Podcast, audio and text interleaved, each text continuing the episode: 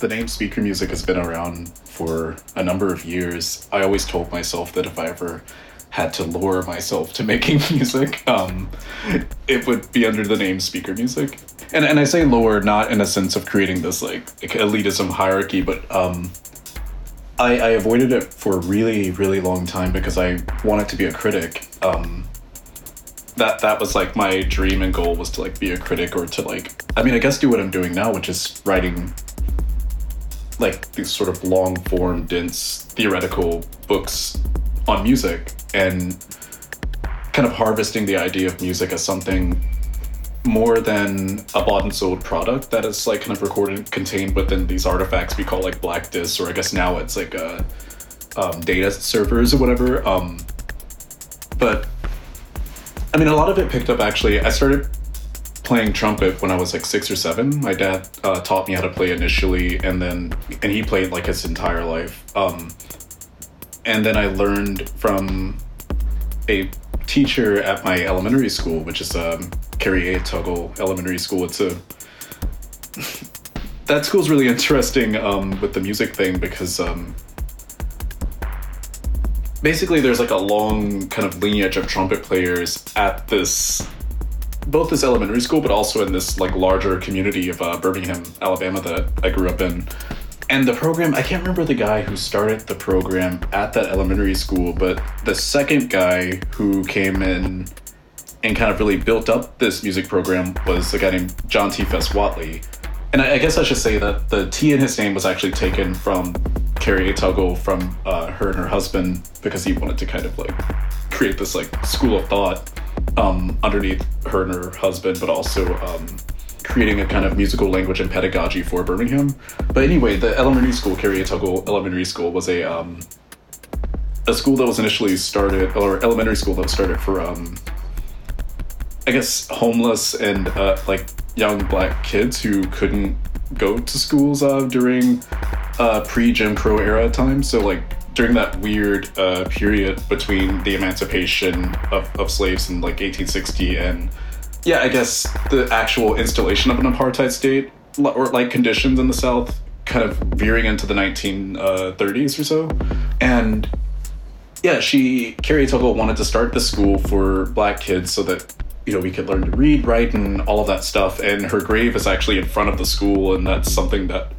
always really struck me i grew up in my great grandfather's house a few about a block away from that school my grandfather when he was emancipated in 1930 used the money that he swindled from his slave owner to build this house with his hands and um,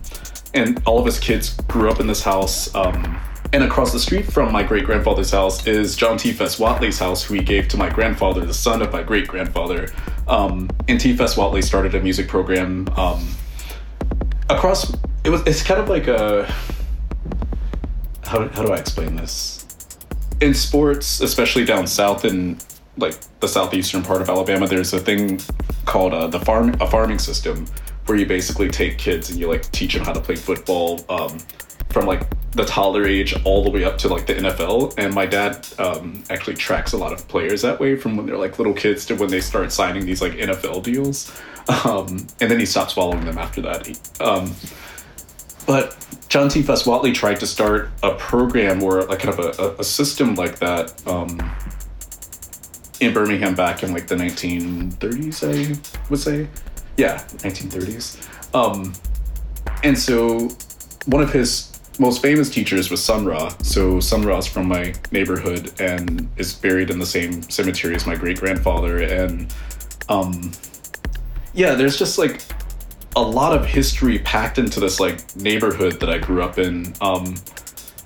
and yeah, I could just keep building this up in the sense that um, that neighborhood had, had a nickname called Bombingham because white supremacists and the FBI, the US government, effectively bombed that neighborhood 50, to- 50 times between 1945 and 1967, I believe. And one of the final bombings was the bombings that you may have heard of, of the 16th Street Baptist Church, where the four little girls were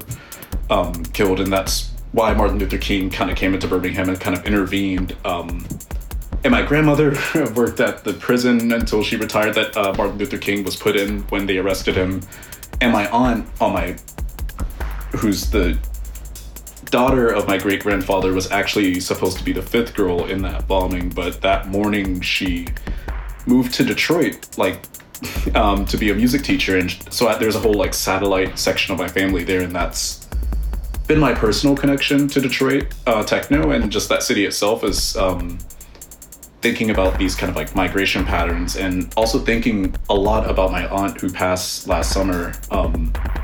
shortly after like my record Black National Sonic Weaponry came out. Um, a lot of that record was for her. And trying to link.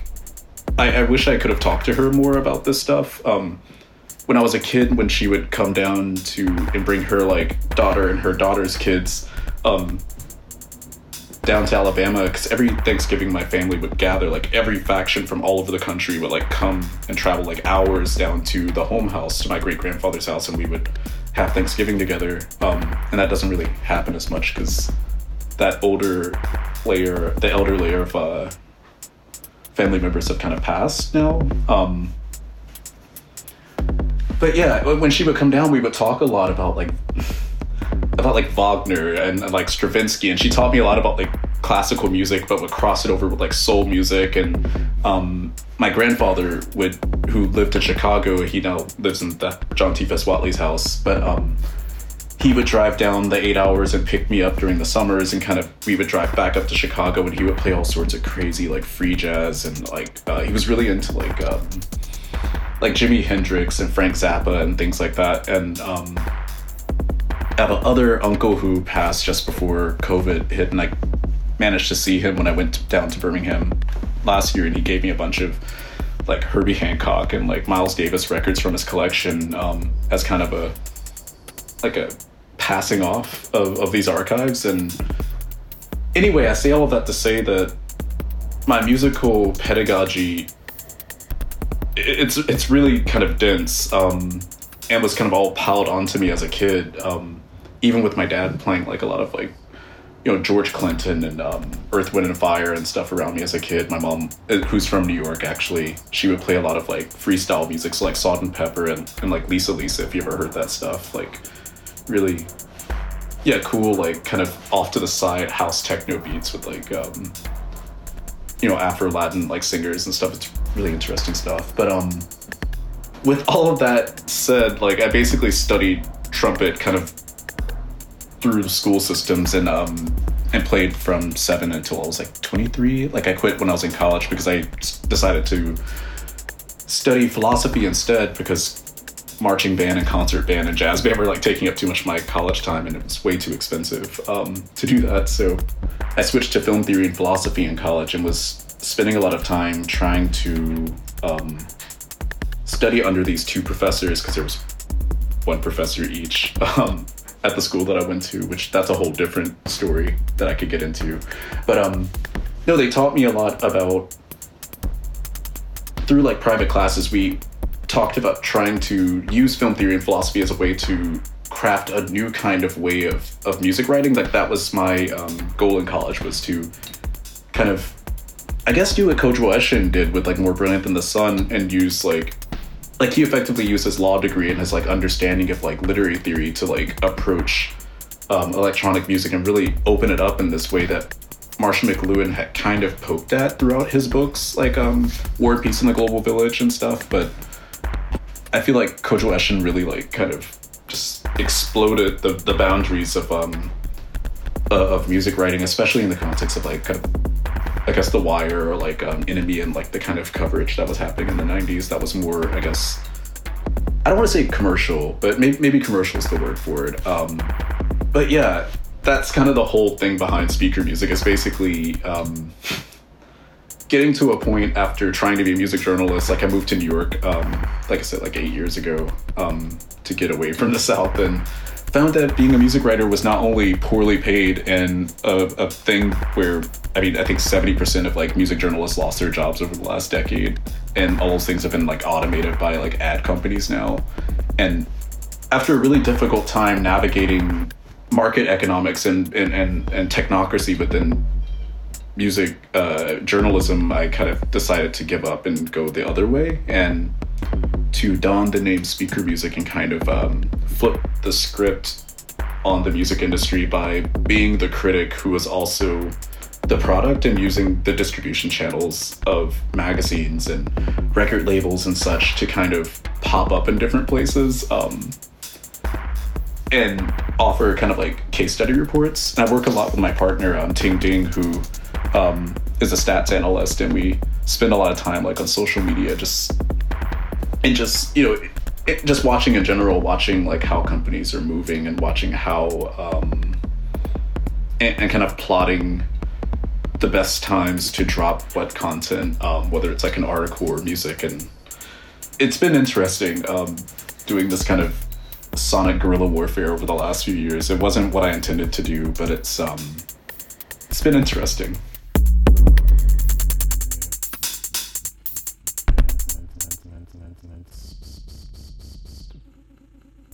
The scene in Back to the Future in which Marty McFly accidentally invents rock and roll by way of a temporal paradox is obviously a joke, but it can also be understood as a milestone in corporate America's whitewashing of black music, a touch of sarcasm after successfully remarketing rock and roll as white.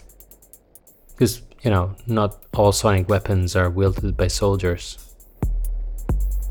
As DeForrest Brown points out in his many essays, and during our conversation, America has always had trouble accepting black culture in the mainstream, unless, of course, it can be conveniently overwritten and renamed. A few years ago, Eminem was the best selling rapper on the planet. He was the perfect gateway to hip hop's otherness for suburban white America, just as Elvis or the Rolling Stones were the gateway to rock and roll before him. In the song Without Me, released in his prime, Eminem taunts Moby. He says, It's over, nobody listen to techno. A Detroit born rapper dissing techno by attacking a white producer who has never techno to begin with is yet another milestone in this PSYOP campaign that is more about erasure than appropriation. Three decades after its inception, techno is essentially a white affair, both in social and formal terms which is why the slogan on Brown's iconic baseball cap, Make Techno Black Again, is not just a meme, although it started as one. Brown's work includes music, released under the moniker Speaker Music, but largely revolves around research and writing. He looks back at the complex roots of black American culture and at phenomena like techno in order to expose this systematic obliteration and, above all, to draw attention to the neglected creativity of its pioneers and the rich sonic universe they created from the rubble of a crumbling Detroit. Against the tide of the prevailing narrative, Brown's work seeks to contextualize these episodes by highlighting key economic and political factors of the time, intertwined with personal anecdotes and a sincere love for the music. We talked to the DeForrest Brown about Detroit veterans broken futures, Reaganomics, screams, government sanctioned murder, and disco demolition in the post truth era. I mean, I wrote a whole essay about it. Um, how the dance music industry failed black artists. That was a very personal article um, that I would call kind of a revenge piece that, and a bit of blackmail. Where basically I worked at Mixmag and um, believe it was 2017, for all of six months where I feel kind of bad for them in a way because I think they thought it was a good idea. How do I explain this? Basically, throughout the last 10 years, a lot of European, well, actually, I'll say specifically, magazines in the United Kingdom thought it would be a good idea to open up an office in New York City and try to take on the 330 million people in America without thinking about the like actual financial and cultural costs of it and as a fan of like you know electronic dance music and and I guess the general framework of what these magazines do. I wanted to, you know, work at the resident advisors of the Mixmags and try to help them integrate into the American market, which does not like electronic dance music at all. I mean, I had the hardest time working at these magazines, like trying to explain that, like, the idea of going out to a party for one in America is completely illegal. So like this whole concept of like rave club culture just does not translate. Like it's um what would actually work for these magazines would, would be to do kind of crazy brand collaborations. Um, I don't know if you've seen that a lot, like these activations. Like for example, Ariana Grande did like a whole thing with Spotify where she turned like an entire retail space into um, a gallery show of her like of her uh, songs. So each song had a different room, and you could like lay in the room and take pictures. And I don't necessarily agree or disagree with that model. I mean, in my curatorial practice, I've done similar things. Um, because I understood that Americans can't just like sit and listen to like abstract sounds come out of a machine, like which is kind of ironic given how you know technologically um, addicted people are here. But um, basically, I don't think anyone in the electronic dance music industry wanted to listen to the fact that perhaps a small percentage of the world is actually dancing to this music and consuming this music and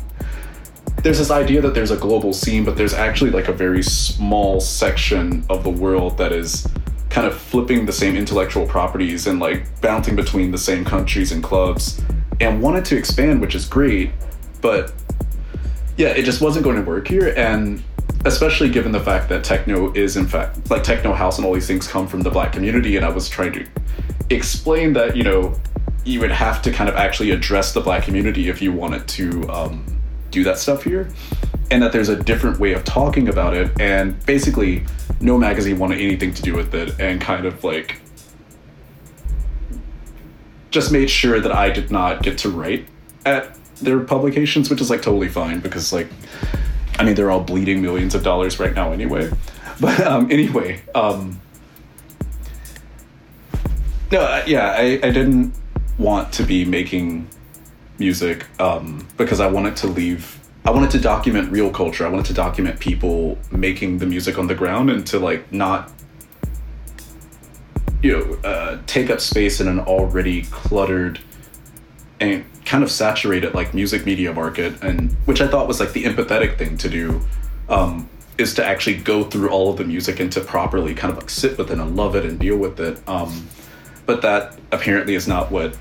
you know publications or any music entities um, within the United Kingdom and the U.S. want.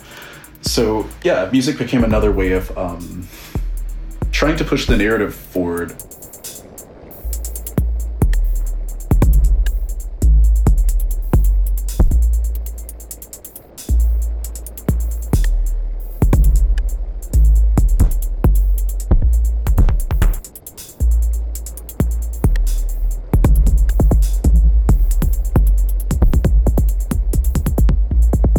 with speaker music in particular, I wanted to deal with the idea that electronic music is a relatively new phenomenon. Um, and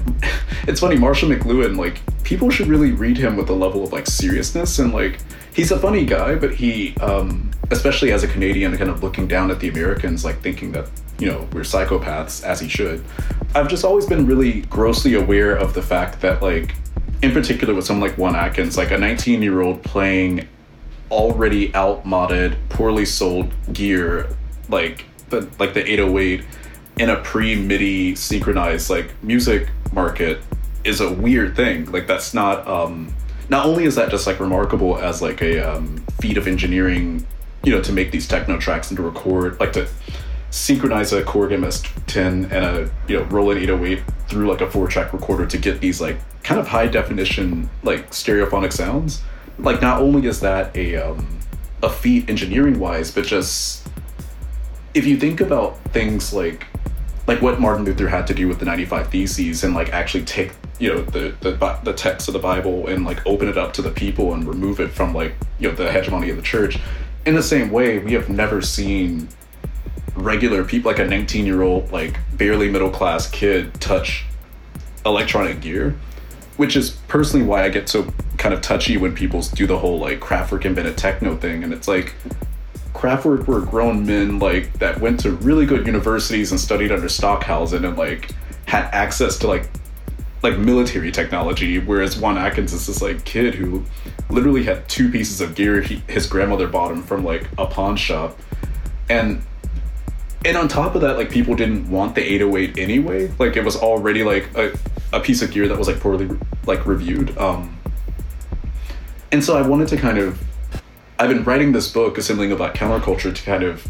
touch at these points throughout American history in which black people, especially those, um, well, yeah, just black people touching any kind of technology that wasn't necessarily supposed to uh, even be in our range of sense making or whatever. When I'm making music, I'm trying to like get back to the root of this pre-quantized uh, electronic music making. So everything I do is like recorded with my fingers and it's recorded live. So I'm always like live drumming, um, which I didn't learn drums, but that's kind of reverse engineering like literally like 20 years of like trumpet playing and 20 and tuba playing and stuff and and yeah trying to reverse engineer i guess the logistics that and kind of the practice of like brass playing down to an ipad that i've like literally hot wired into um, my interface into ableton which i use as a multi-track like uh, mixer. So it's it's kind of a crazy thing where i mean i'll be playing this like star trek or it used to be considered like futuristic playing like a star trek like um, glass surface with my fingers and then using like i don't know a hundred different track channels to sort of uh to stretch and kind of like pan around these like sounds. So it's like all my recordings are basically like um quantum versions of like single things that are happening inside of this ipad and happening with my fingers that i'm then having to kind of like um do a lot of really quick calculations um, for to like catch and basically quantize the beats myself while anticipating the quantization of beats that are already kind of locked into place in the iPad. So it's a really kind of complex like spinning plates kind of thing where you're just like okay I can't like let one of these like plates fall. Um, but the idea of that was to kind of take what I saw with Juan Atkins, which to me it seemed when I read like old interviews with him, um, particularly there's this one in 1988 in this magazine that's now defunct called Music Technology, um, where he talked a lot about trying to like use this electronic gear to get out non-organic sounds and to be the organic force that makes these inorganic sounds like uh, malleable and like pleasant. And I kind of saw that as him taking like his dad would book like um, jazz fusion acts like Michael Henderson and like a lot of these like side dudes for like Herbie Hancock and like Parliament Funkadelic, um, and would book them in Detroit. And so Juan Atkins growing up around this music kind of made me realize or at least think that perhaps psychotechno analytically he was trying to like take these 20 member like funk bands and, or like 20 member like ensemble jazz groups and like crunch them down into a single machine um or a single like ensemble of machines and kind of to be able to conduct on its own. I mean, I don't know if you've ever seen like Sun Ra or videos of Sun Ra like conducting and performing, but it's kind of cool where you'll see him like point at a person and that person just like gives them sound that is within like the key and harmonic range of like everyone else in the band and he's someone's just kind of like pointing at people and like asking them to like give them give them uh, or give him their their sound um, whatever that sound is, and it's kind of up to Sun Ra to like pull these people together. And I felt like Juan Atkins was trying to do something similar to that alongside um, Rick Davis, who he was in with Cybotron, who was a Vietnam veteran that uh, went AWOL and was really traumatized from being involved with the counterintelligence like propaganda stuff that was um, that the U.S. government tends to do. So there's a lot of like um, I don't know. There, there's a lot going on with like again these like this black Vietnam veteran and this 19 year old black kid playing with like rare gear like this, like these artifacts of like a time in which you know technocrats thought that they were like innovating or whatever. Um, but yeah, I tried to like take what they were doing and also like Mad Mike um, from Underground Resistance, who talks about uh, high tech soul, where he wanted to like build techno back up into like an ensemble jazz. I wanted to kind of take that and take John Coltrane's understanding of like the Coltrane sequence where he would like kind of take a sound and again, I don't know if you've seen like videos of Coltrane playing, but he'll like kind of play one note and then wait for it to kind of come back at him or like the reverberation to come back at him and he would play another note at a different interval and using like the actual space to um and time and delays to kind of create these like multiphonic um I don't really know what to call what Coltrane did. It's really quite fascinating. This like stereophonic matrix breaking thing where he's able to play multiple notes at a time using like the room as an instrument, times leading the like the backing band with this kind of quantum playing. Um, but yeah, I've tried to do that myself to techno to a point that it's no longer something that can be conflated into a standardized like four in the four 140 BP, like, beats per measure kind of s- structure, but into something that is like uh, kind of wild. Um, and I, I regret thinking this, but it's um,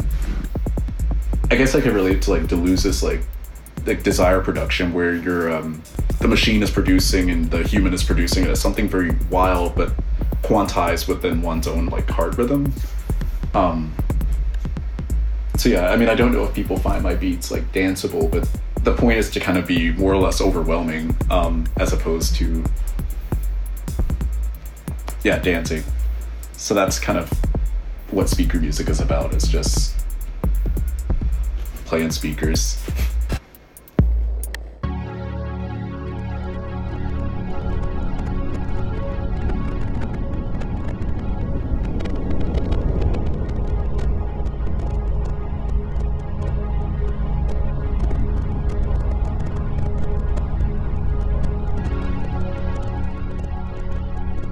In the 21st century, Autechre can still scare someone and make them go like, "What does that sound?" And it's like you think about the Italian futurists, like you know, like somehow the art of noises is like still really relevant today in the sense that like people haven't necessarily unlocked it and, and kind of open themselves up to just romanticizing like abstract sounds, especially abstract sounds coming out of a machine. Um, I don't know, and that disturbs me quite a bit sometimes. Just thinking about like chill beats and like you know things like that, like um, just like standardized like carbon copy minimal techno, things like that really freak me out because as and I, should probably say this like I use the title rhythm analyst from uh, the philosopher Henri Lefebvre to kind of get at this idea of um, I don't know, being able to stare at a piece of music like minimal techno and going, "Oh my god!" Like this, like the four on the floor beats with like a few sounds kind of being added in slowly is as far as the mind is able to go with this electronic gear. Like that is like it's kind of a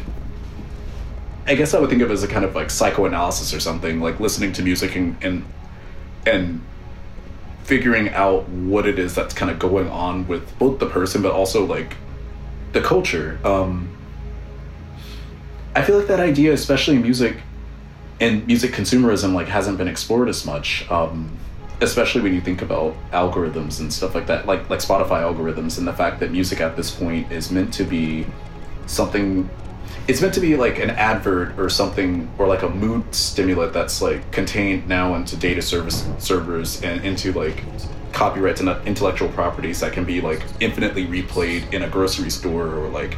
you know from your like iphone like yeah infinitely and it's just like a big um i don't know at this point i kind of see music as being a big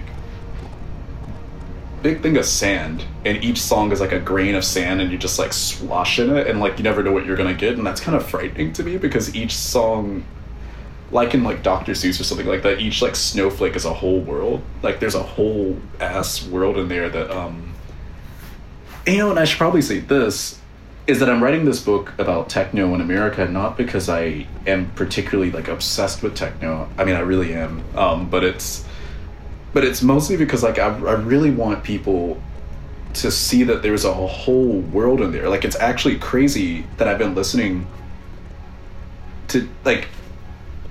to write this book, I've been sitting on Discogs for the last year, going in chronological order through every like Detroit techno record I can find, using interviews to kind of, in various articles, to string along this chronological like, um, I guess, review of all of techno. And the hope is that because no one ever, in my opinion, wrote like a real review of a lot of these techno records, the hope is to do one giant like just read of all of techno as one story um, because they are all connected kind of like those marvel movies and I I've been like I was talking to Underground Resistance the other day, and I was like telling them that I hope that this book could be like the Avengers Endgame for them, and that you know like they could read the book and then go back to the discography in the back of the book and then jump into like one of the adventures that I wrote about and like really like listen to the record. I should show you actually. I know the audience can't see this, but one of the things that really struck me was like this underground resistance record has like literally pages of like of essays and there's a lot of like dense stuff in there where they're going on about like mimetic theory and like um, you know genome sequencing and in relation to like these the historical um, I guess lineage of black insurrections in America and I I never knew that there were like pages of tiny like text like that in almost you know every UR release. And it's one of those things where getting back to the technology, it's cute and all that we can, you know, produce any sound we want at any quality we want remotely like on like the highest bias you know speakers that exist. But what's the whole point if you know no one is reading the liner notes that come with the music and really like getting involved in the world that these people like tried to put together for them? And so i mean with a lot of my work i'm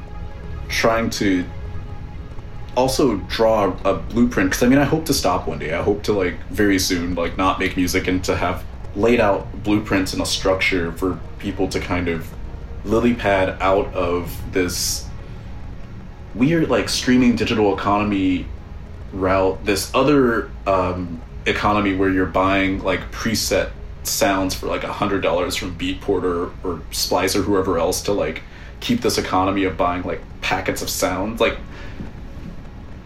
i guess you would call it like a subscription service or something where you're just like subscribing to pay money repeatedly to update your sound forever. Um it's kind of like a like sound leasing program or something that i think they have set up over there. Not speaking to Splice specifically, but like companies like that, like like iZotope maybe does that too, um, and definitely Ableton in a sense with all the expansions and stuff. But then there's this other economy of um, let's see, were the three economies? anyway, it, it's the, the point is to oh the other economy was NFTs. Like now that they're like these technocrats are trying to sell music. Um, intellectual properties in the same bundle as like any other form of art as a which they would just call like creative content like outside of these like really pathetic options to actually experience music i, I hope to lay a framework that other musicians can look at this and go well, you know what i'm not going to be an entertainer i'm going to use this technology to actually express myself and i mean the name speaker music hopes to speak to the neutrality of the fact that like i've made music on the same speakers that I, you know, bought my first records on. Like I, I'm actually sitting in front of those speakers right now, and I got them from a few deadheads in um, my college town. They gave them to me for free because they thought the stereo set was broken, and so I immediately bought a bunch of Pink Floyd records. And like, um, yeah, have been using these speakers, and, and I try to use them for my music now, and it's um, and yeah, I mean it's I would say like after 30 years of booms and busts in the electronic music industry and after 30 years of recognizing that you know the recognizing that all that's happened with electronic gear is that you know music is being sold at a more efficient rate for yeah i don't even know how to like phrase that. It just i mean i was telling someone the other day that like it just it seems to me that all the, what people did with with all this technology was just sell out and just sell advert music as opposed to really trying to like express themselves, which is again profoundly new. And I think about um, going back to like the Kraftwerk versus Juan Atkins thing. I think about Stockhausen a lot um, as a person who listened to Stockhausen before I listened to techno as a. Um, I, actually, in fact, I never really thought to cross them over. Um, but I listened to them at the same time in college, and I was always fascinated by the fact that Stockhausen was kind of going on about making the youth sound of Germany. Um, at the exact same time that Berry Gordy and Motown was trying to come up with like the American youth sound or the sound of young America, and I thought about these two like kind of fascist countries like trying to figure out like what what folk music for their people should be and frankly, I don't think we found it yet. I mean, it seems like every time that Germany's try it a bit, obviously, because there's a lot of like cultural funding and stuff, and like I guess recently like techno has been named like a cultural asset or something to the government, um, despite the fact that it's not theirs. But um, you know how that goes. but it's um, yeah, it's. I would love to be more optimistic about electronic equipment and like the availability of it to people, but it seems like it's only widened the marketplace and made people like more wide-eyed for yeah for money, um, which has been quite disturbing because it's music for me has always kind of been a refuge. Like I when I was younger, I would like wear headphones all the time, and I, I and I should probably actually start saying this more in interviews and stuff that I, I listen to a lot of music. It's really probably a problem actually. Um, like I used to just go on these long like multi-hour walks with the headphones on it, just like just listening to like entire discography sometimes, just like walking and I rarely ever over the last like 15 years of my life like actually took headphones off to talk to a lot of people. And so yeah, it's it's been interesting kind of coming out of this bubble where you know, I was listening to music in a very like personal and categorical way and then coming out and talking to people about music and now it's all like you know um, well actually most a lot of people i talk to in america don't even listen to music they like they can't remember the last album they listened to and it's just like kind of spotify algorithms or all the people making music now are, are djs so they're not really producing music they're playing other people's copyrights for petty cash and then you have um, like people now that are making music for tiktok and NFTs to try to make a buck, I guess. I don't know how not to sound like the Truman Show or something, or to sound like a, like I just came out of a cave, but that's kind of how I feel sometimes. Um, and yeah, a lot of the logic behind making music was to um, was yeah, just to show people that there's another way, because or in a lot of ways just to make music that I would listen to, because it's been kind of frustrating.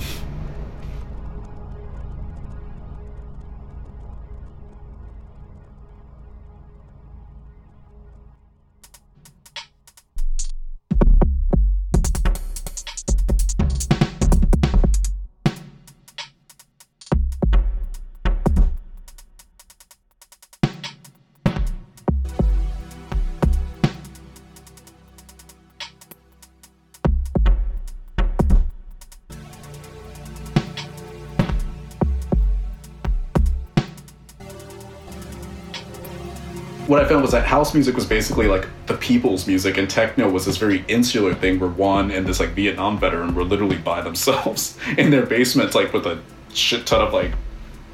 gear that was like all hooked up. Um, and then later on, you had like Eddie Fowlkes, who was like doing four um,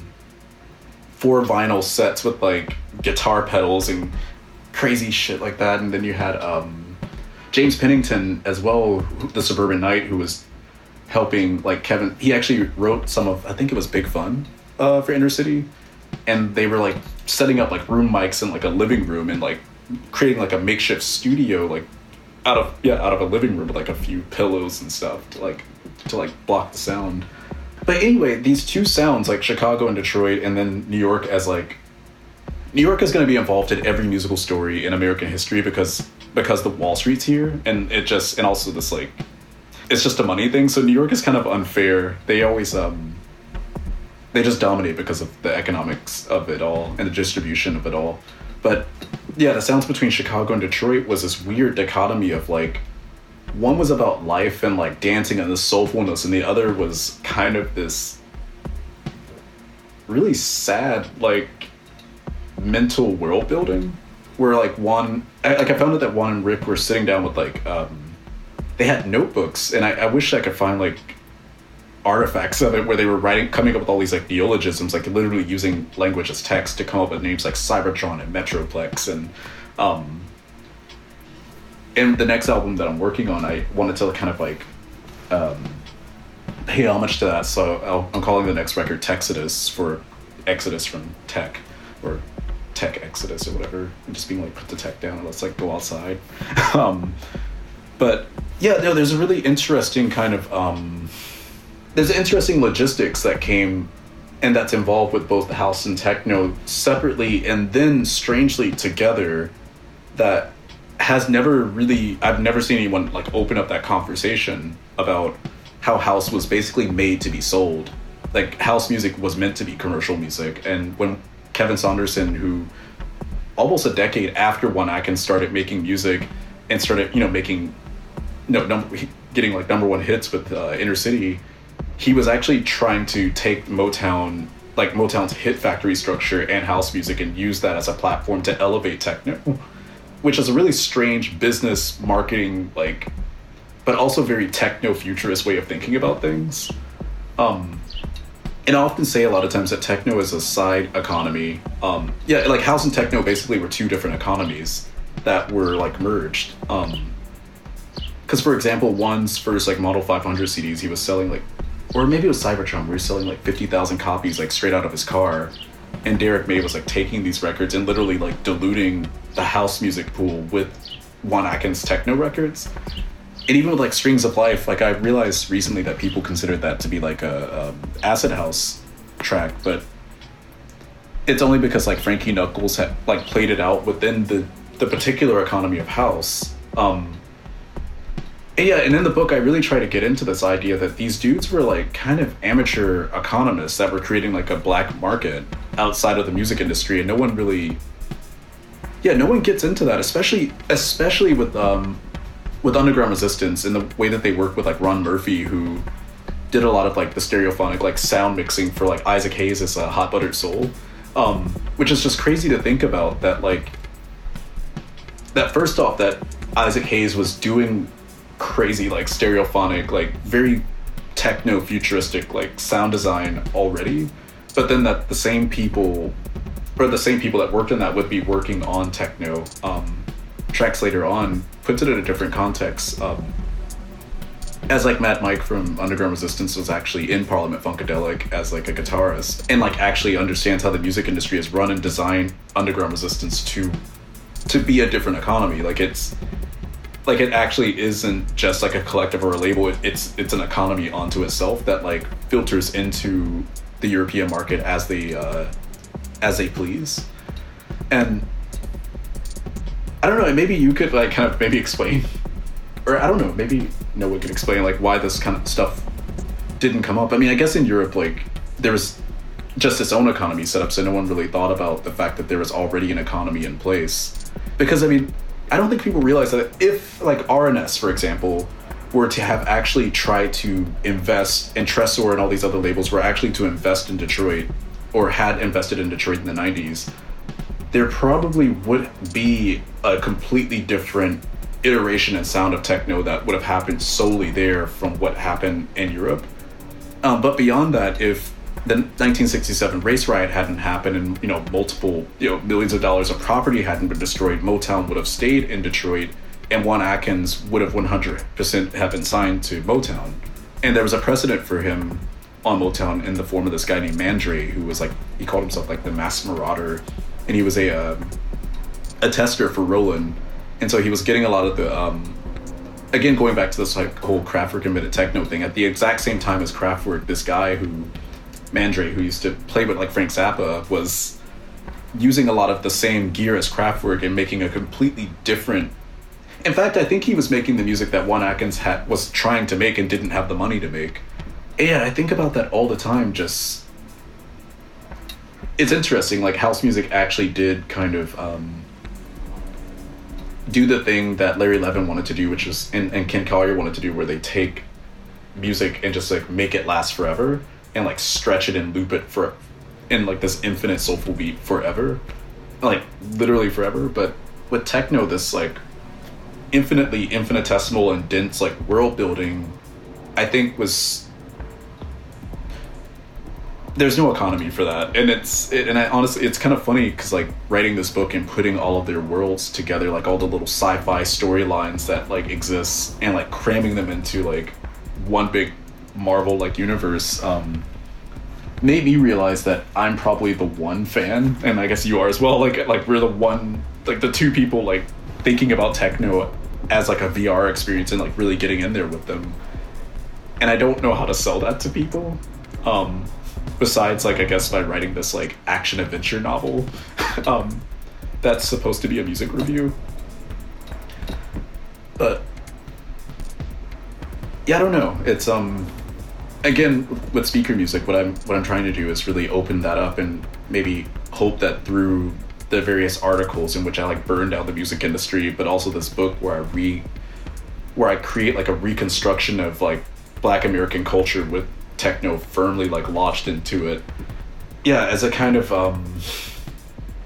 update to where jazz and funk left off um yeah, I mean, I think that's probably the best that I can do. It's not like people listen to James Brown when he was singing like "It's a Man's World." Like, I don't think people really listen to like the world that he was building in there, and I definitely don't think people really listen to Gil Scott Heron when he was, you know, giving this documentary and be.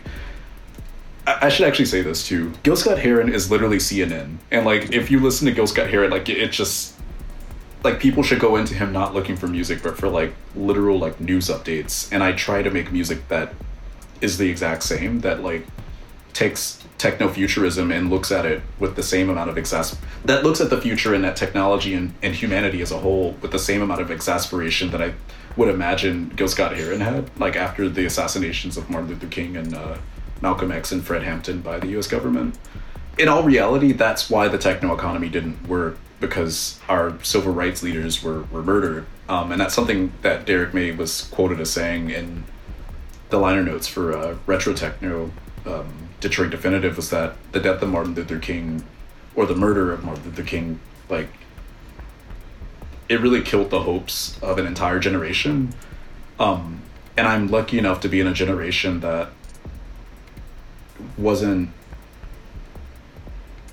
I'm lucky enough to be in a generation that people instilled a lot of hope in. Uh, I think they were wrong. Millennials are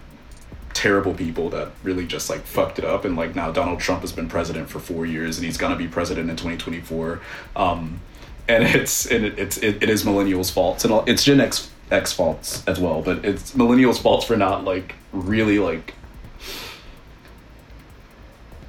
just grabbing the the bull by the horns and like and and really aggressively like protesting and aggressively like really aggressively like like not buying and consuming things online and like looking at tech companies and understanding that like that's what techno was warning us about. Like the vietnam veteran was literally telling us not to get involved in a tech world designed by a military industrial complex like settler colonial nation. Um, and instead i mean millions of europeans danced to it and a bunch of and black people kind of like you know pushed it away as like weird abstract sound music which maybe black people are like in general are smarter than everyone else because they do to just like put the devil like machine music away. And i don't know. But um yeah it's no it's really complicated because like i don't i fear sometimes that techno will forever be this like lost city of atlantis that like no one ever really explores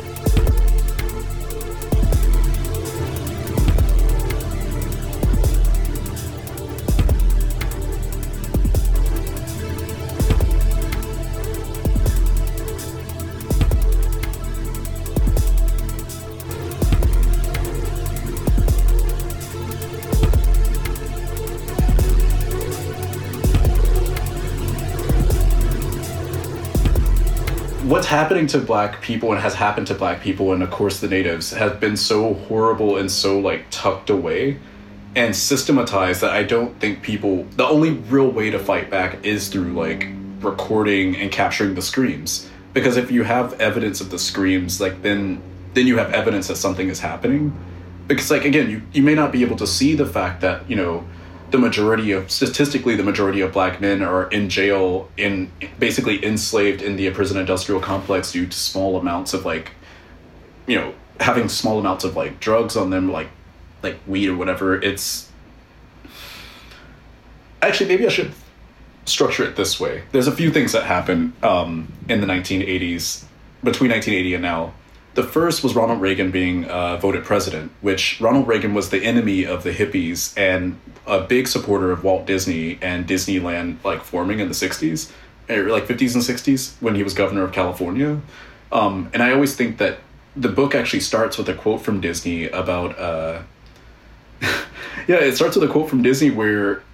I think about him a lot because he he invented the monorail, um, and instead of passing that technology off to America in like the 1950s, so that America could have, you know, China level like in Japan level like bullet trains, like in the 1950s. Instead, you get the monorail going through Tomorrowland, like this propaganda theme park in the middle of a swamp in like Florida somewhere or like California somewhere, and like that's what this genius thought to do with all of this technology was to make an amusement park out of it. Um, but anyway, Ronald Reagan becomes president and starts cutting ca- taxes for, you know, large corporate elites. He panders to like the religious evangelicals and begins to sort of standardize uh, media, where he like there's certain codes of like you know what is acceptable to a particular very money demographic of people who are the people that are actively sending millions of dollars to the Israeli population and to maintaining the Israeli like nation state. It is it is the religious evangelicals, and then I think three point four billion dollars of military aid from our the U.S. government. Um, so that those two together was that was a Ronald Reagan like initiative, and so at the same time that he was doing that, he was staring at Berlin and going, "What the hell is that wall over there? I need to tear that down." Like they don't like freedom and so I start another chapter with Ronald Reagan going right into Berlin, you know, and being like, tear down the wall, Gorbachev, and like opening up East Germany into Western capitalism for the first time and watching and kind of trying to retranspose German techno as this kind of as being the same thing as like what Detroit is in a lot of ways, which is like um, technology and economic infrastructure being just like flooded into a place that was previously not of the future, that was not a part of modernity. And so anyway, you you you going back to Reagan, Reagan does that and then at the same time he starts these initiatives of literally putting crack cocaine like distilled to, okay, I'm going to say this is really crude, but if you think about what I was saying about Juan Atkins and like uh, Larry Levan and what they were trying to do with like disco bands and funk bands and crunching them down into a single like like cheap piece of gear to make really potent addictive music. What the US government did with Reagan or what Reagan did with the US government and with cocaine was basically just distill it down to the tiniest like uh, most potent addictive chemical um, that was distributed out in black communities and is quite similar to what the British did to the Chinese at the Hong Kong and the Opium Wars, and this is a continued. And actually, the U.S. government continued to do this through the pharmaceutical pharmaceutical industry with Valium and other types of um, pharmaceuticals. So you have a bunch of Americans and just addicted to opioids across just across the nation at various points. But the black community in particular was hit with a very potent, um, cheap, and deadly, and really highly addictive form of this drug that basically collapsed down any of our kind of uh, that and the AIDS crisis like hit Chicago, Detroit, and New York like really hard. And I found myself like while writing about there's one chapter where I try to run through the entire history of like Detroit, Chicago, and New York, like house and techno music, like and these relationships and these like alternative economies. And I kept finding myself having to like kind of scale to the side and go, oh yeah, there was like this um being like, oh yeah, the AIDS crisis is like really just like raging at this point. So like while Frankie Knuckles is like DJing, people are just dying, like just disappearing, like like the rapture, and whether it's from drug abuse or from you know, yeah, this virus and like. It, it's funny. There, there's a lot of crazy stuff going on because on top of all the crack and all like the AIDS crisis and stuff happening in these communities, you also have Reagan's tax cuts affecting companies where they're slowing down on production. Japan and Germany are starting to like really push ahead with their car production and tech production. And America starts hitting this like crazy inflation and uh, economic just like decline to the point that the last debate in the 1992 election between uh, George Bush, Bill Clinton, and uh, Ross Perot, who was an independent tech billionaire industrialist from Texas, um, you literally have like George Bush lying about the economic deficit. You have Bill Clinton saying that he's going to, you know, install universal basic income and things like that. But in, we saw what happened in office. He basically became a Republican who uh, got impeached for his antics. Um, and you have Ross Perot, who was just like this independent billionaire, which is kind of Donald Trump one, if you will, literally to the American people on television being like, guys, we don't have any money. Like America is like broken. Our children are gonna have to pay for this. My my generation and the generation after are gonna have to pay for like the excesses of the '80s. Yeah, so you have all of this happening, and at the very beginning of the decade, again, you have Juan Atkins sitting with this book called uh, The Third Wave from Alvin Toffler that is the blueprint of this exact thing where Alvin Toffler's like, guys, I don't know if like we should move into this like information age where like we we're off the gold standard and the economy is all digitized and all of our like books and stuff are digitized. And like actually Toffler has a section in his book called The Music Factory where he goes off about like music copyrights being used to infinitely produce like yeah, just infinite factory music. Um and so yeah, with these screams there's a lot of there's there's some real complexity in what these people are experiencing based on their literal vantage point. But I think that difference comes down to the fact that Chicago was a very deranged city um, with a heavy, uh, how should I put it? Pimping culture was really big there, um, alongside the crack cocaine movement, and you you have a there was a there was a level of sleaziness to Chicago, in the sense of like you know, if you think about blaxploitation films like Shaft or something like that was kind of the vibe. Whereas Detroit was a city that was meant to be that Henry Ford had like built to be this like futuristic city that collapsed on itself because the city couldn't figure out that if you like just hire black people and allow black neighborhoods to exist and not do things like, you know, build a highway through Paradise Valley and uh, Black Bottom, which were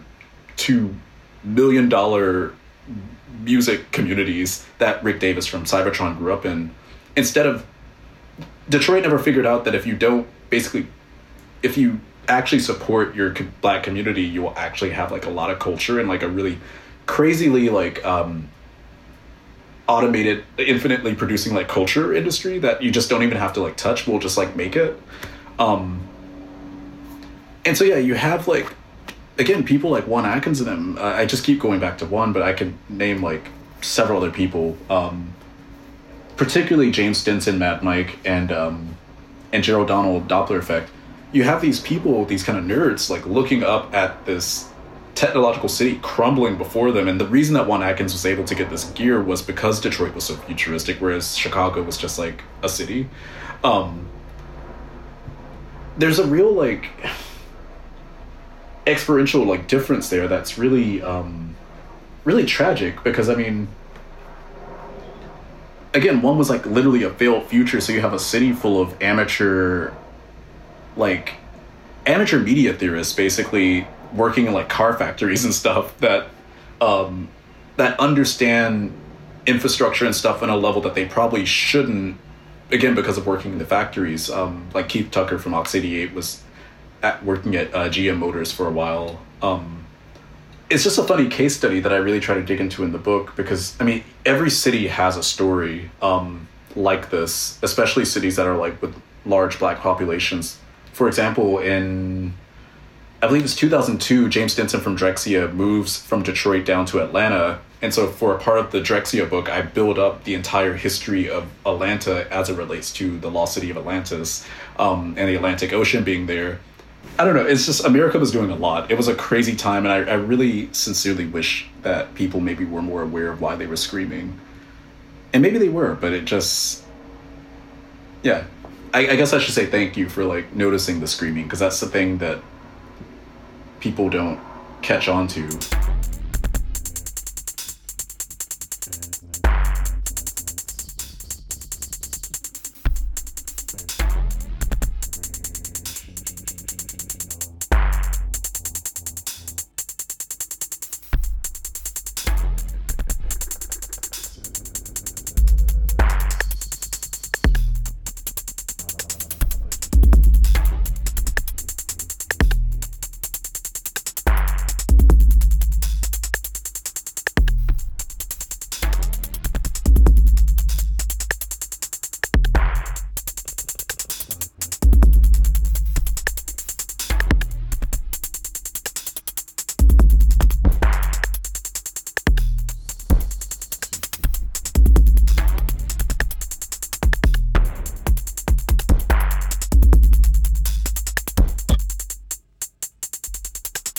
There's this term post soul that I came across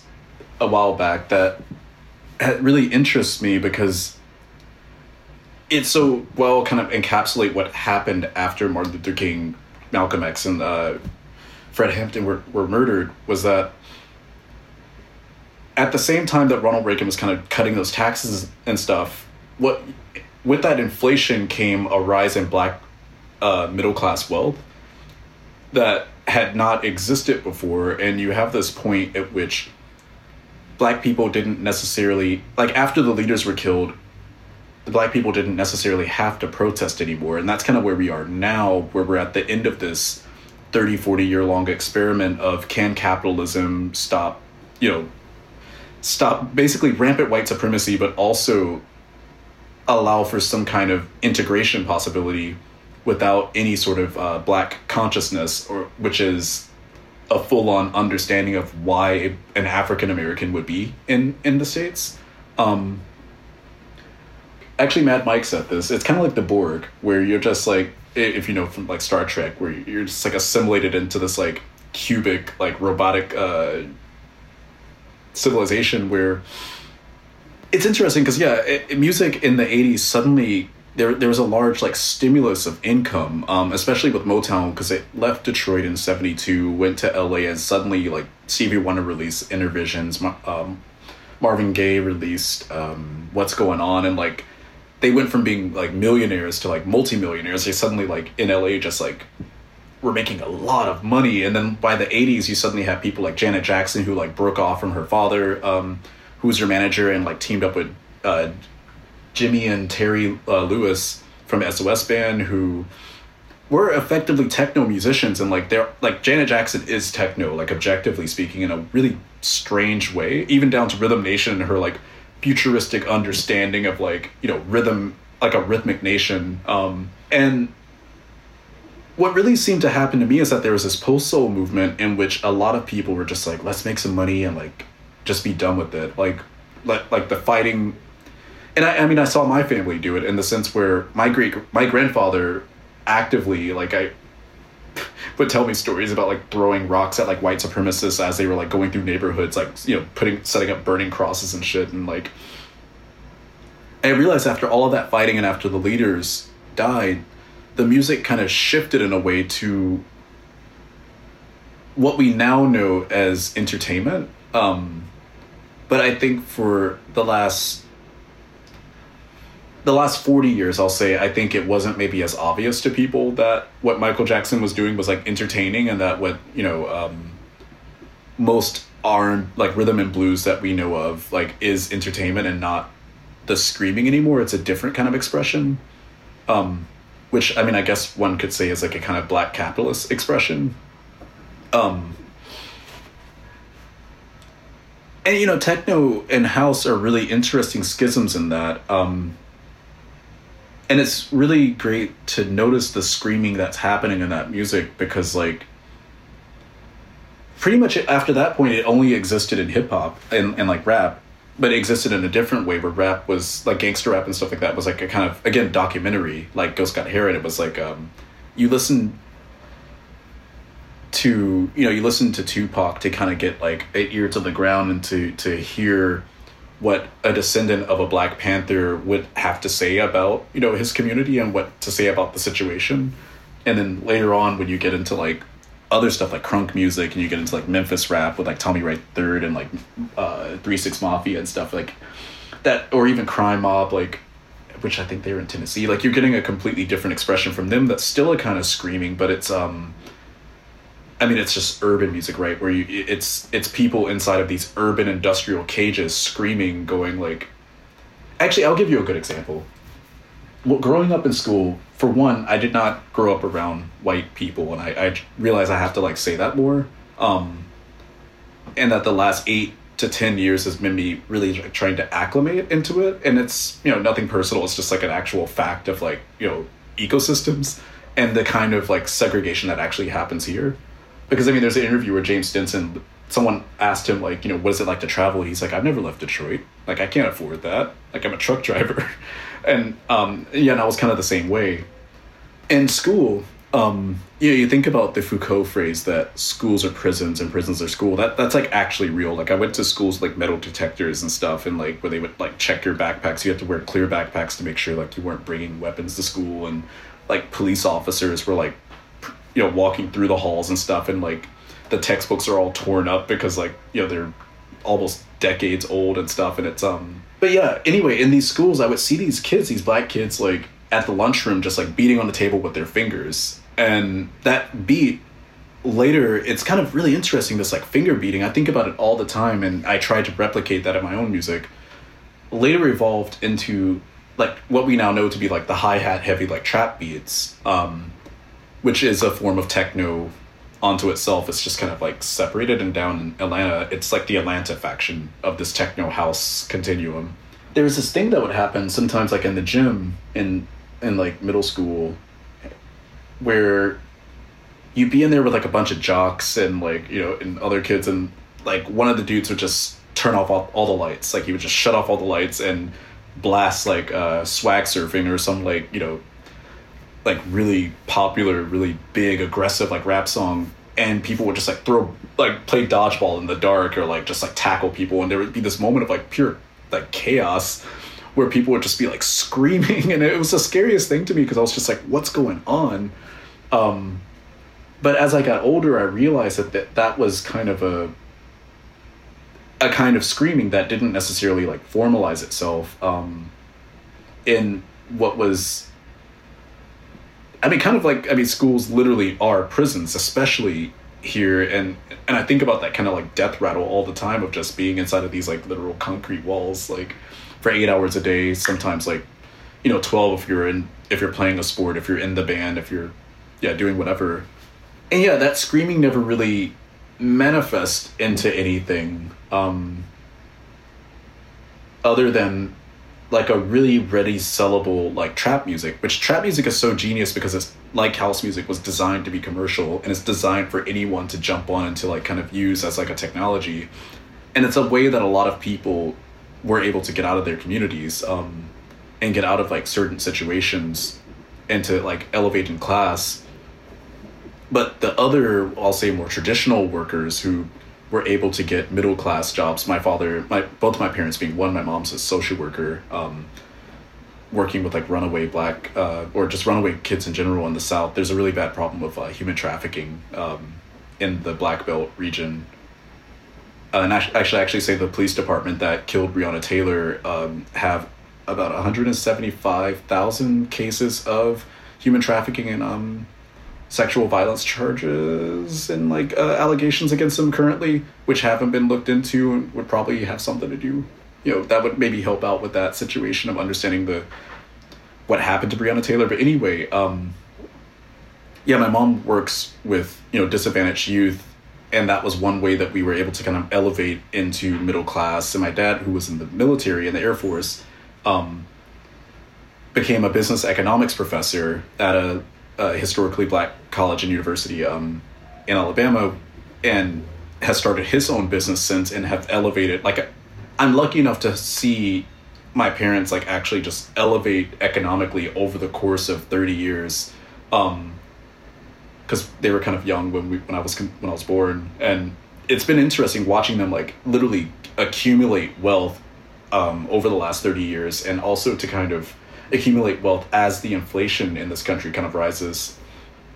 Um, and my parents actually listen to techno and they don't remember a lot of the parties. They don't, because it was just like something to do. They didn't understand techno and house to be this like special thing. It was just like fun party stuff for them. Um, and they think it's like kind of funny that I'm looking into it now and like thinking so hard about it. Um, but anyway, with the trauma and and and and the music, it's it's kind of interesting because I don't. I'm gonna go out on a limb here and say that my parents and a lot of people after that are very post soul and kind of, I won't say sold out into capital, but they tried a different route than the protesting and a different route than um, speaking directly to white supremacists with governmental powers and tried to just accumulate wealth and land and um, and my generation is the proof that that didn't work, which I think is still kind of hard for my parents and a lot of uh, that generation to really accept that like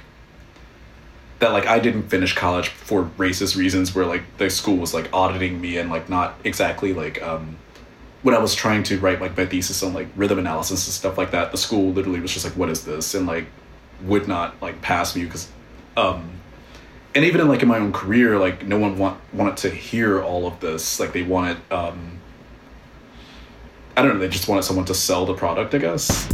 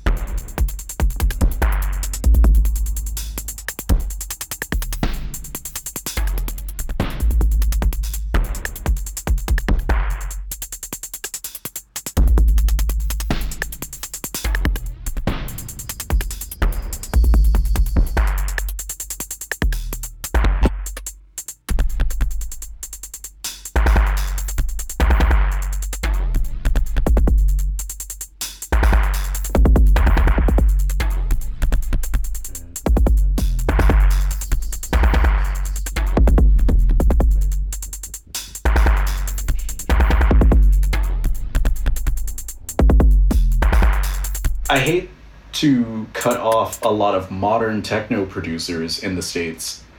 um, or electronic music producers in general, but there is something really particular about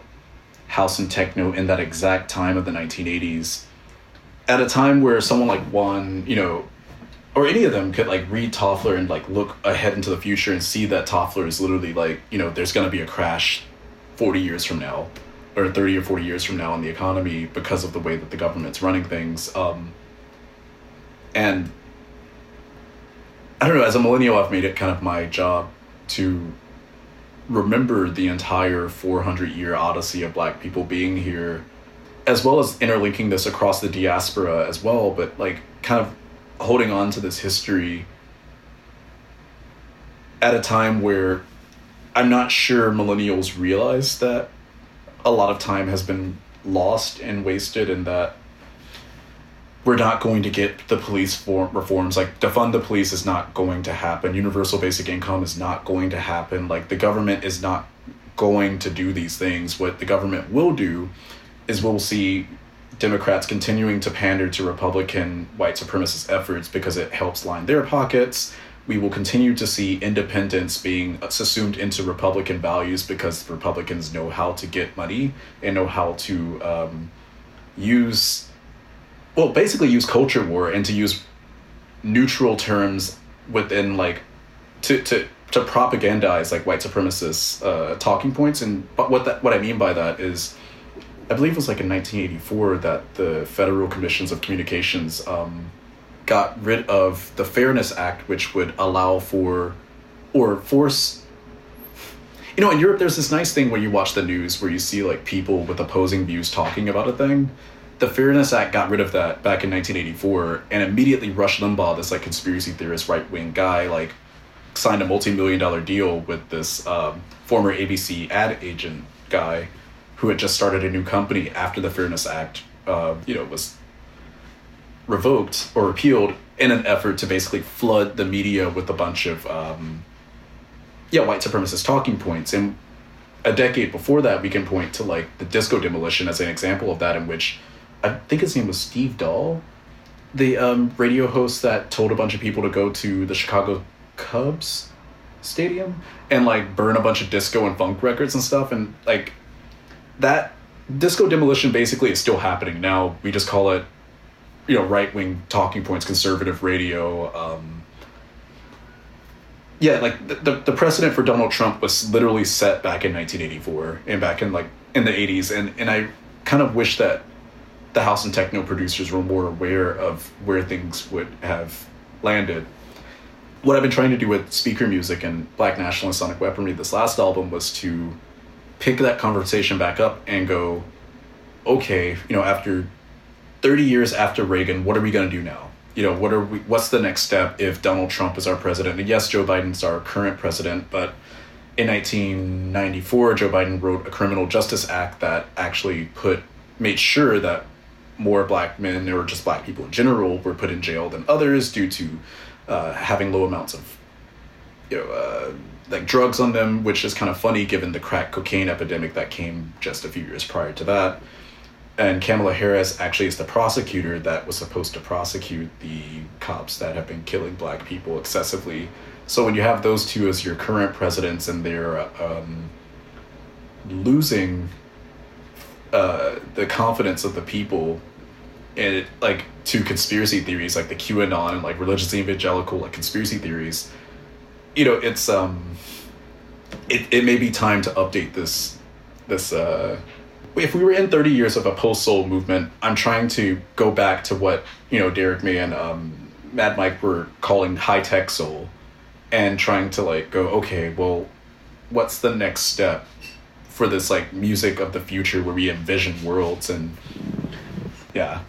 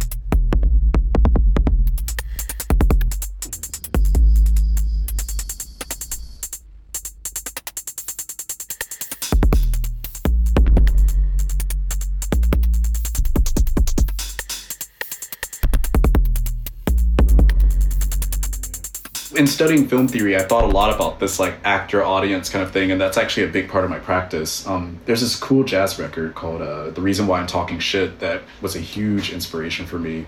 It was this dude, uh, Eddie Harris, who was in uh, Miles Davis's like kind of electric years bands. Like I think, like yeah, like during like in a silent way and bitches brew and stuff like that. Um, yeah, Eddie Harris was like I think playing trumpet during that time um, for Miles. But in the record, the reason why I'm talking shit, that was like his last like record for Atlantic Records, and he instead of doing a real record where you know you play jazz and stuff, he decided to go to a bunch of different venues and uh, record himself literally just making fun of the audience, just like and it, it was a lot of times like all white audiences, and he would just go off like and and do this comedy routine. And every like five minutes or so, he'd be like, you know, when is Eddie Harris going on? And he's like, uh, I don't know. Eddie Harris is just gonna sit here and like roast you, and he just kept doing it. Um, and I thought that was the craziest thing to do a jazz comedy record like that. Um, and I tried to combine that with the idea of the griot, which is a West African tradition of where certain people, mostly males, would be pulled out of the tribe and pulled to the side and taught the entire history of their um, of their tribe, and they were taught to basically just like divulge it all in one go, um, accompanied by like a drummer, and they would tour around and like tell these stories and these like you know parables and stuff um, in a sort of dance musical context. Um,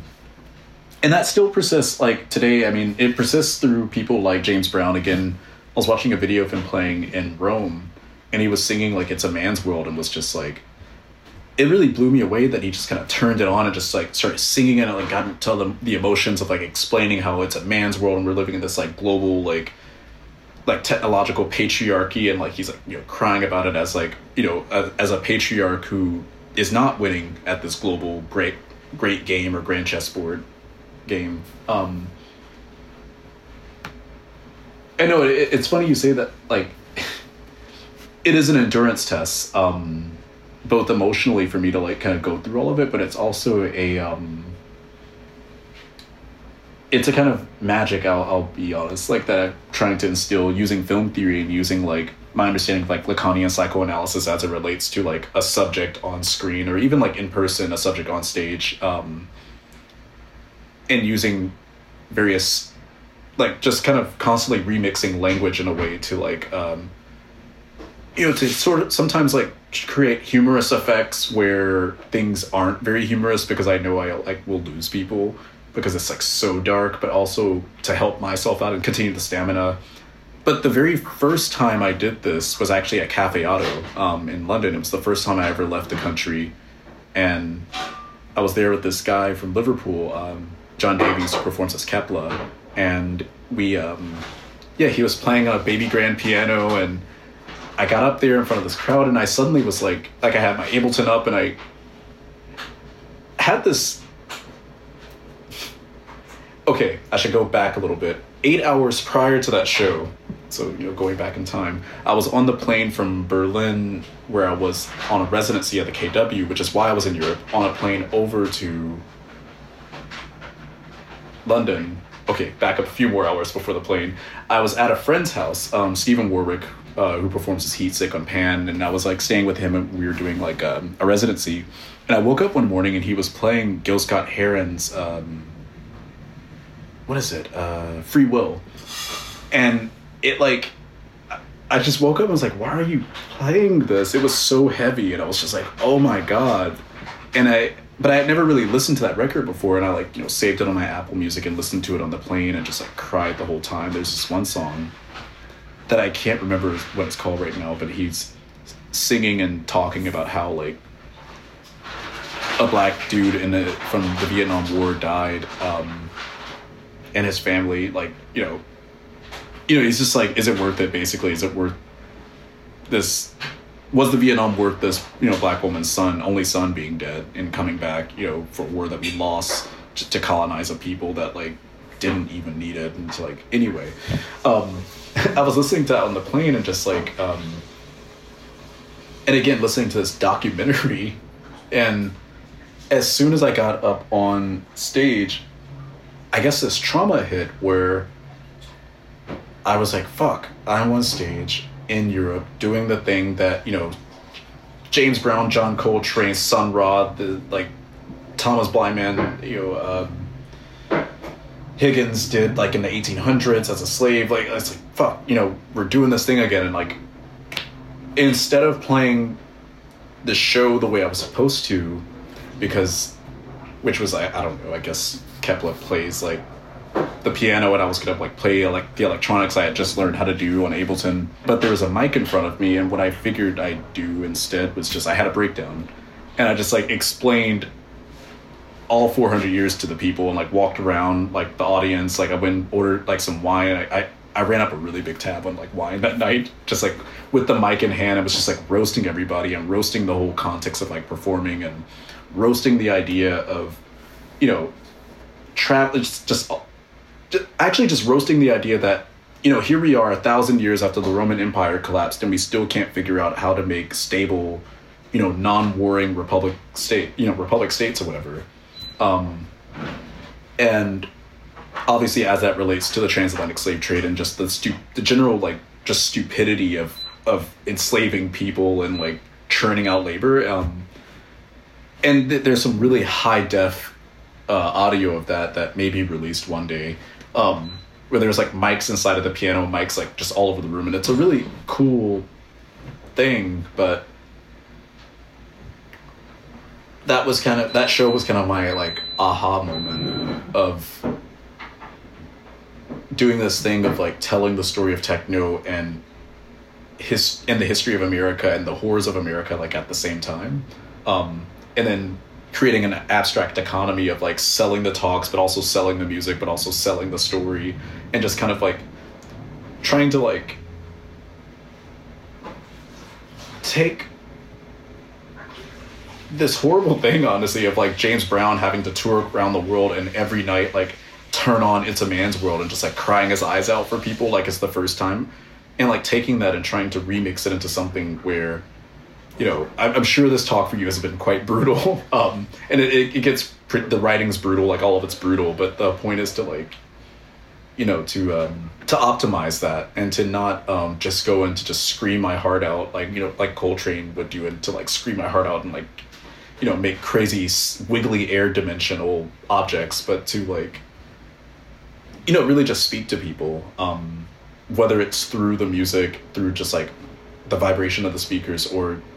you know, like I am right now, and seeing all of it as like the same thing, like as the same like kind of process.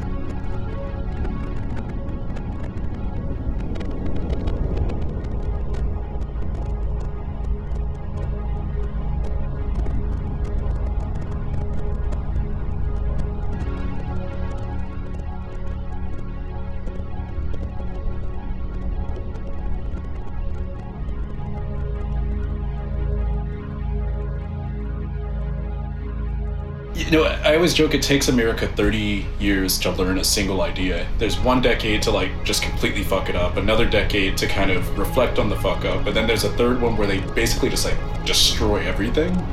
The, the problem is that Americans really don't like electronic music. They and really in fact they don't like music. And I've been trying to get more Americans to just admit this and it's been really like it's like pulling teeth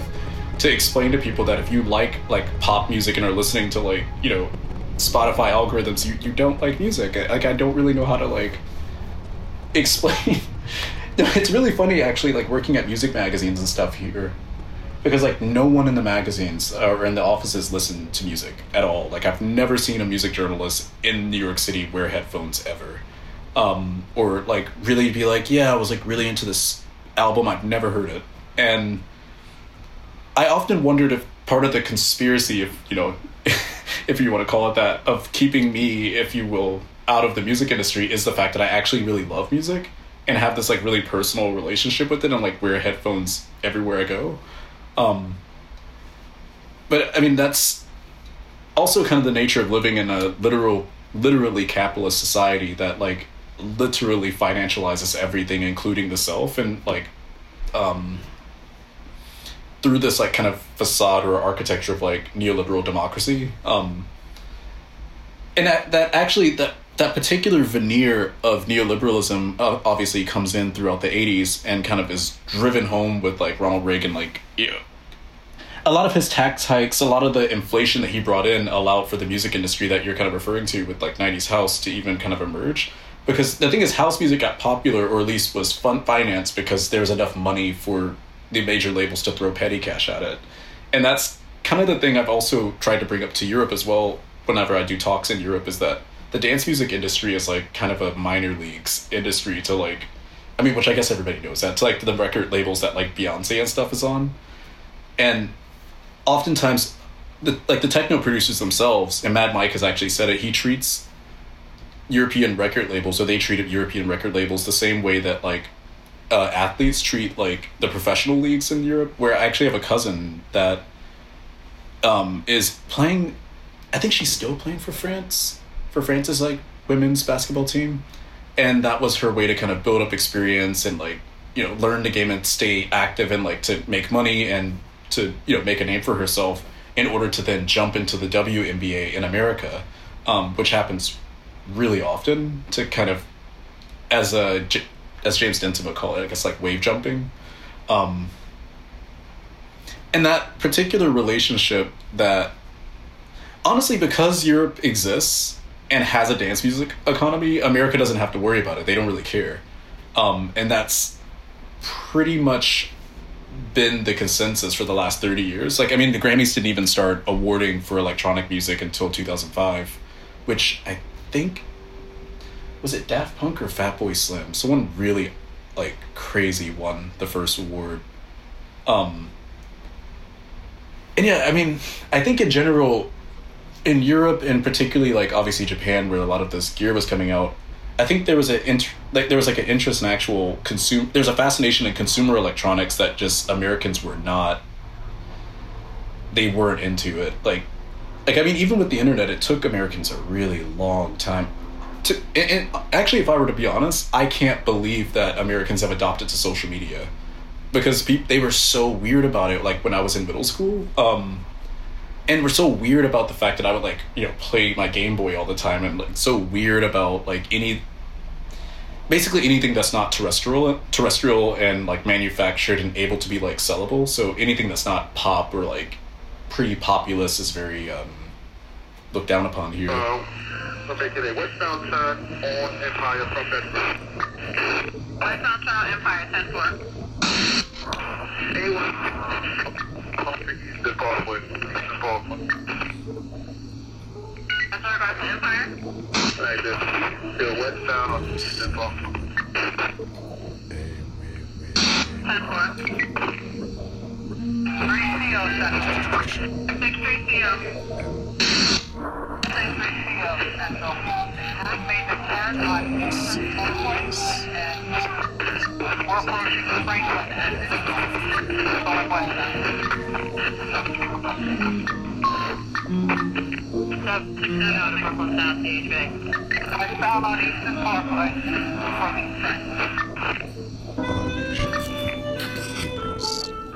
left, you said approaching where? South.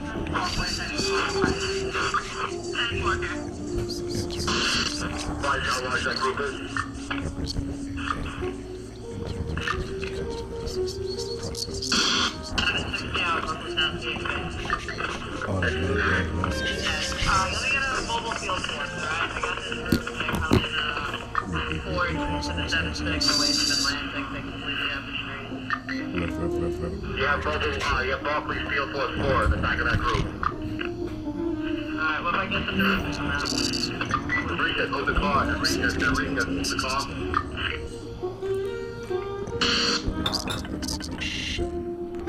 Mobile field force the tower?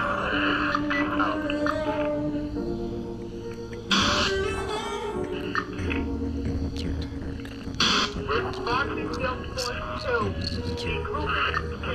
4th Street, towards Pacific and probably even further now. Is anybody at the front of it? Six zero, six zero the field force. I'm at the front of that group, alright? They're about Mike Wolf and fourth. Where is the tail at? Still waiting for the tail end, they're still going. And if there's a few, just advise the unit, there's a few bicyclists that keep blocking to make us try to lose the group. So we'll just have to go around them. Not ten four. Step out the unit. Central now the group on Court Street. They go north, uh, on Court Street, approaching Congress. What happened to Detroit absolutely happened in Texas earlier this year. If you remember, like the blackout that left like 10 million without power, and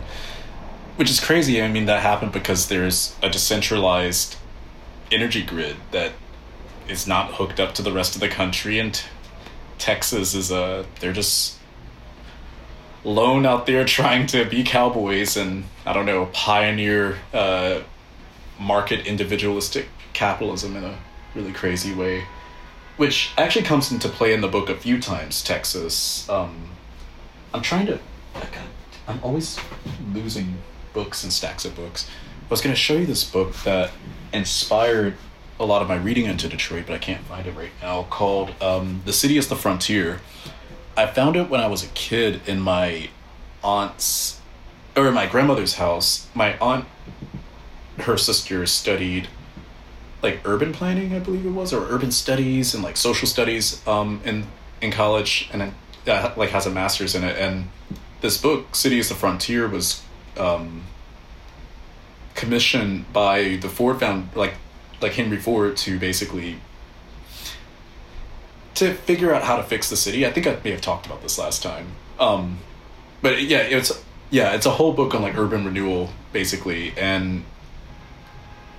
yeah, they didn't. Basically, the city didn't follow this book's plan like at all. And one of the things that you know he was saying you have to do is like obviously make housing available for all. You have to you know you can't just make a whole city full of cars. You have to have open you know parks and places for people to walk from place to place and not just these like isolated like bubble environments. Um, if you've ever been to New Jersey, they definitely did not learn that lesson. It's just like one giant highway and suburb. Um, and then New York is like a death trap, like heat, death heat trap of like gridded streets. Like it's, Americans are so psychotic in the way that they design things because they're not thinking about people ever. They're always thinking about like, well, first profit margins, second uh, property lines, and third profit margins in the future. So there's this like, I mean, that's the 30 year cycle thing right there where they're trying to like gain profits for a while and then they're trying to use up all the property space in the second decade and then in the third decade it all falls apart because they were trying to reach for a future that they like really couldn't get to. Um, Detroit had a few chances to try to or to be like a thriving city in the sense that like I break up Detroit into in the Detroit music scene into three parts where there's um basically the first kind of scene from the 1920s to the 1950s that was a multi-million dollar kind of like soul blues and like jazz scene that alice coltrane came out of and like a guy named uh, joe von battle had the like kind of leading record label at the time. And then there was the race riots of 1943 which burned down a lot of property and there was like a big mass exodus of white people at that point. And then there was kind of a suburban kind of pushback in Oh, there was also, um, which is crazy, the city decided to drive to build a highway right through the neighborhoods where that first music scene was, and that's where Rick Davis from Cybotron is from. So his neighborhood got like eviscerated, and that whole history is gone, which is something he was trying to bring to Juan Atkins. After the second race riot in 1967 caused Motown to leave, um, which took that last batch of like multi-million dollar money making. And so Rick Davis is this like funny guy that no one ever really talks about in techno who's experienced all of this stuff. Like, who's just like, whose history's been erased like basically twice. He's gone to war. He's like, you know, he actually has lived like Amer- like seeing America like spread propaganda through like its industrial on the boot boots on the ground kind of warfare. Um, and yeah, he dumps it all into this 19 year old kid, Juan Atkins, who's just kind of like sitting there trying to make beats. But what's interesting about Juan in this is, and, and like where techno kind of fits into all of this with Detroit, is that basically the city was kind of, I don't want to say gone, but like there, there, it wasn't coming back by the time techno was happening. It was property damage, which just kind of like were there would just be this like random fires that would break out throughout the city because people were burning down buildings to get the insurance money and to, like to recoup their property value. And so that's that's kind of the future of america in a lot of ways is getting to the point where some of the rich people start like burning up their properties to, to recoup the value. And that's actually happening in the music industry right now where a lot of the older musicians like dolly parton bob dylan um, are selling off their masters and just saying, you know what, here, own my entire catalog. I don't care. You can play it in Walmart, like, do whatever you want. Just give me like my hundred million dollars and I'll go. And yeah, this kind of large cash out happened in Detroit around the same time that Juan was kind of picking things up. And so it's kind of interesting because like not only did that that city's music kind of I don't want to say it died because it didn't die, but it, it definitely got kind of stifled within the city collapsing. Um, but this sort of mal infrastructure, like this improperly made infrastructure, is has actually spread across the country. Where even in New York, like all the subways are so old, all the bridges are like uh, over a hundred years old now, and like it's like I've been on so many subway cars that have like caught on fire because they just like can't update it they can't afford it. Like after hurricane katrina back in 2012 i think it was like a lot of the um, train lines going into queens and brooklyn are still very vulnerable to like uh, to being flooded whenever it rains because of these like vulnerabilities from like yeah just hurricane force winds and stuff. Um, and obviously like just flooding. Um, I know in America's in a very interesting situation where it's ignored all of its infrastructural problems, all of its social problems, all of its um, racial ones, obviously, and really all of the economic realities in the face of Ronald Reagan pushing us into, yeah, this like extended recess inflation um, that kicked off in the 90s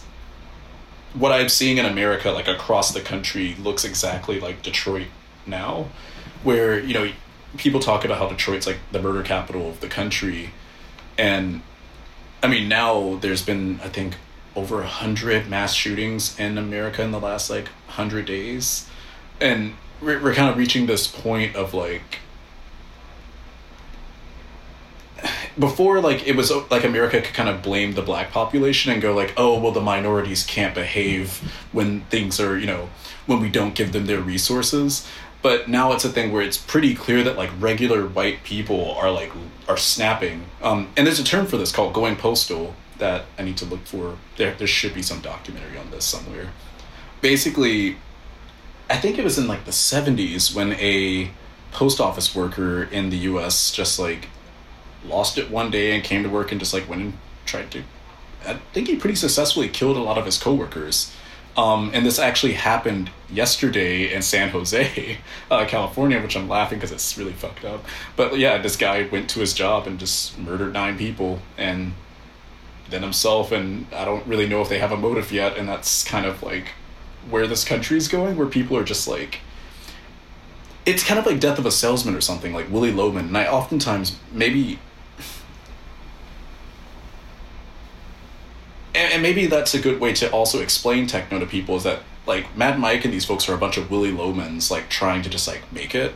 and there's like all of this this agitation built up from the market forces and and like trying to be a middle class person. Because you know the thing is, it's easy to be poor in this country because you just don't desire anything. You don't you know you don't have a television so you don't want anything you don't have like a transportation so you don't go anywhere but like when you when you're middle class that's when it's really tough because like there's all this stuff you want there's all this like um, stuff you can't like you know you should be able to do but you're also not rich enough to do um, and millennials in particular to kind of tie this into the question of detroit and america collapsing millennials are a kind of interesting asset to americans my generation because we were told we can be anything we wanted to be because of market inflation but when the 2008 crash happened and I started asking, you know, around about the $100,000 of student loan debts I'd have to take on after college, no one had anything to say. Um, so it's, um, if there was any sort of vision, like utopian vision that came from the original techno stuff, we're kind of seeing the end of it.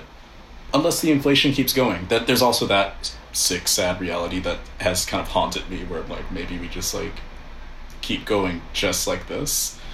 yeah, I don't know if that necessarily answers the question about Detroit and its collapse and the affecting of now, but it, I would definitely, to wrap that up, I'll definitely say that Detroit had ripple effects across the country. Where, for example, in Birmingham, where I'm from, like uh, U.S. Steel, this um, steel production company, like went out of business right around that same time because there was nowhere to send the, the steel parts, which meant that my great grandfather, my other great grandfather, like lost his job and retired early, um, which put like a significant amount of economic strain on his household, but and obviously like all the households like in that area, um, which I would say that community probably never really recovered from.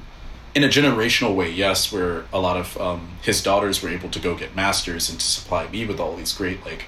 you know,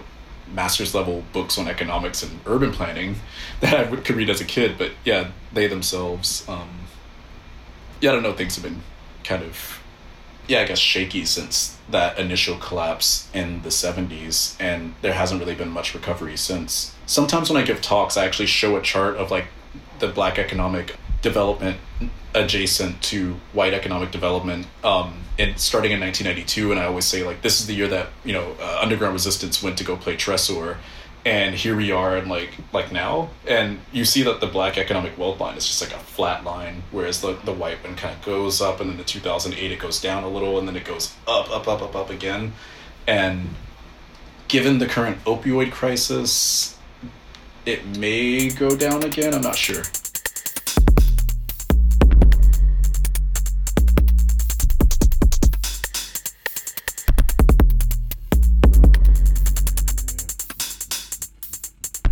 I kind of fell into Make Techno Black again when I met my partner. Um,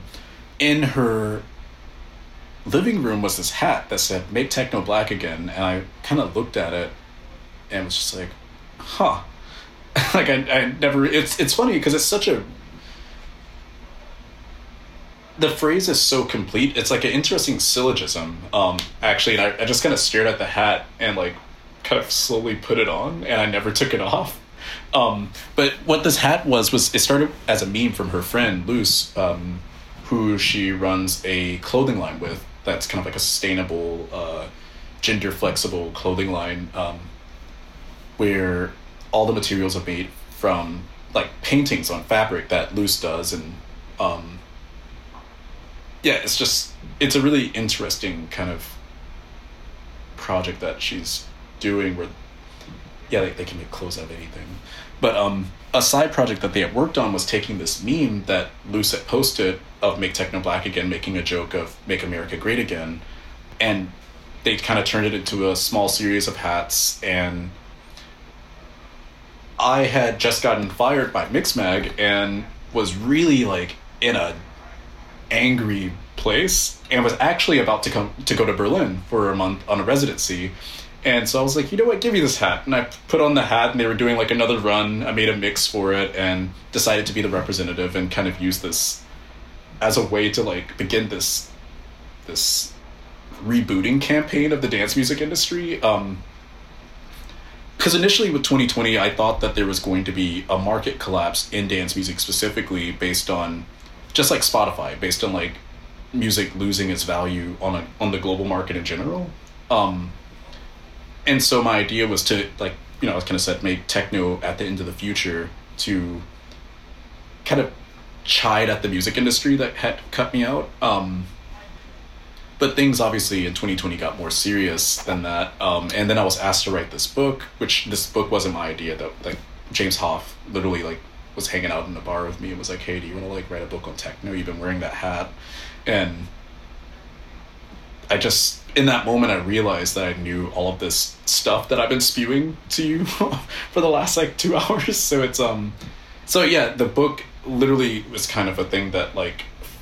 the book and the hat just kind of all fell together at this point in my life where I to be frank was either going to kill myself or just like make music and see if it worked. Um and because of that sort of dichotomy or that like crossroads a lot of life right now feels really surreal because I don't really feel like I should be here um, in a way. And the hat has kind of given me an, an interesting purpose for the time being to, again, restructure this conversation and to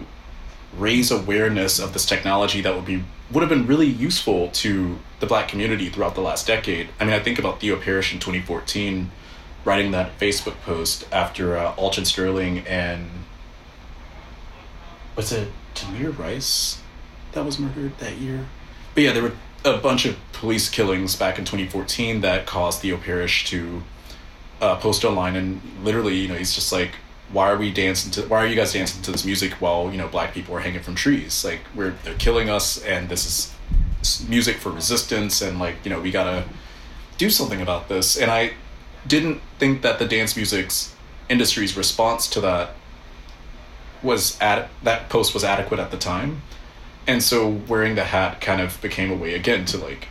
kind of shove all of this together and to really like with donald trump as president with the dance music industry kind of going i kind of figured you know it would be an interesting kind of um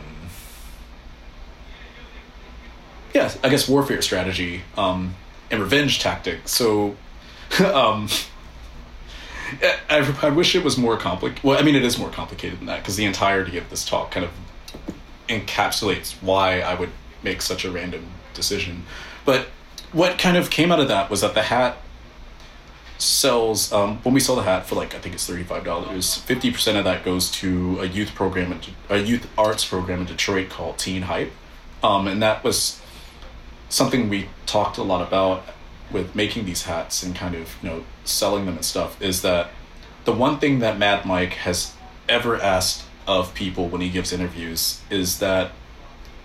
the Europeans offers some kind of infrastructural support to the Detroit music scene if you know if we're going to have this like giant dance music industry. And Tresor has tried a bit but that has not really maintained itself ever. I, I haven't really seen a lot of evidence of it. Um, so it's kind of a thing of being like, okay, I don't have a lot of money, but if I can sell these hats and throw some money to the next generation, which my aunt was a music teacher for. She's like teaching a lot of these kids in Detroit how to play, um, and some of those kids ended up playing with Carl Craig, um, and it just yeah, the hope was to kind of lead by example um, with the hat, where sure it's this like crude fa- phrase, right, that everyone kind of looks at and goes like, "Well, I don't know about that," but it's like, you know, put your money where your mouth is, then, and that's kind of the gist of it. And the hope with the book is to kind of put the lid on this whole story. The hats will of continue to ambiently sell. The Instagram, which I run with my partner, she does all the like formatting and make sure it looks cool because I'm like I said I'm terrible at all this stuff. Um,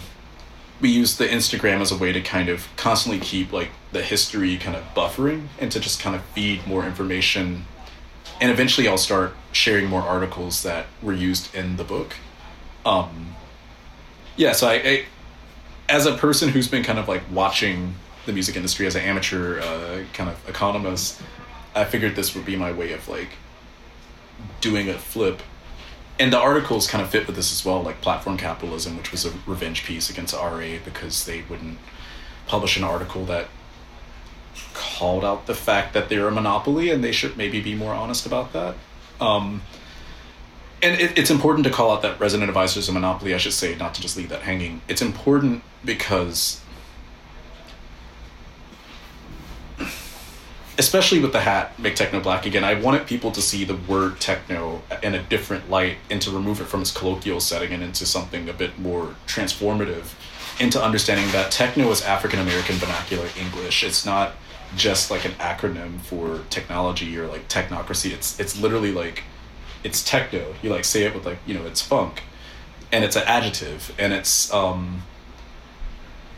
I mean, just like jazz, like it does stuff, and all black music does a thing. Like it has like an affect, like a like a Pokemon attack or something.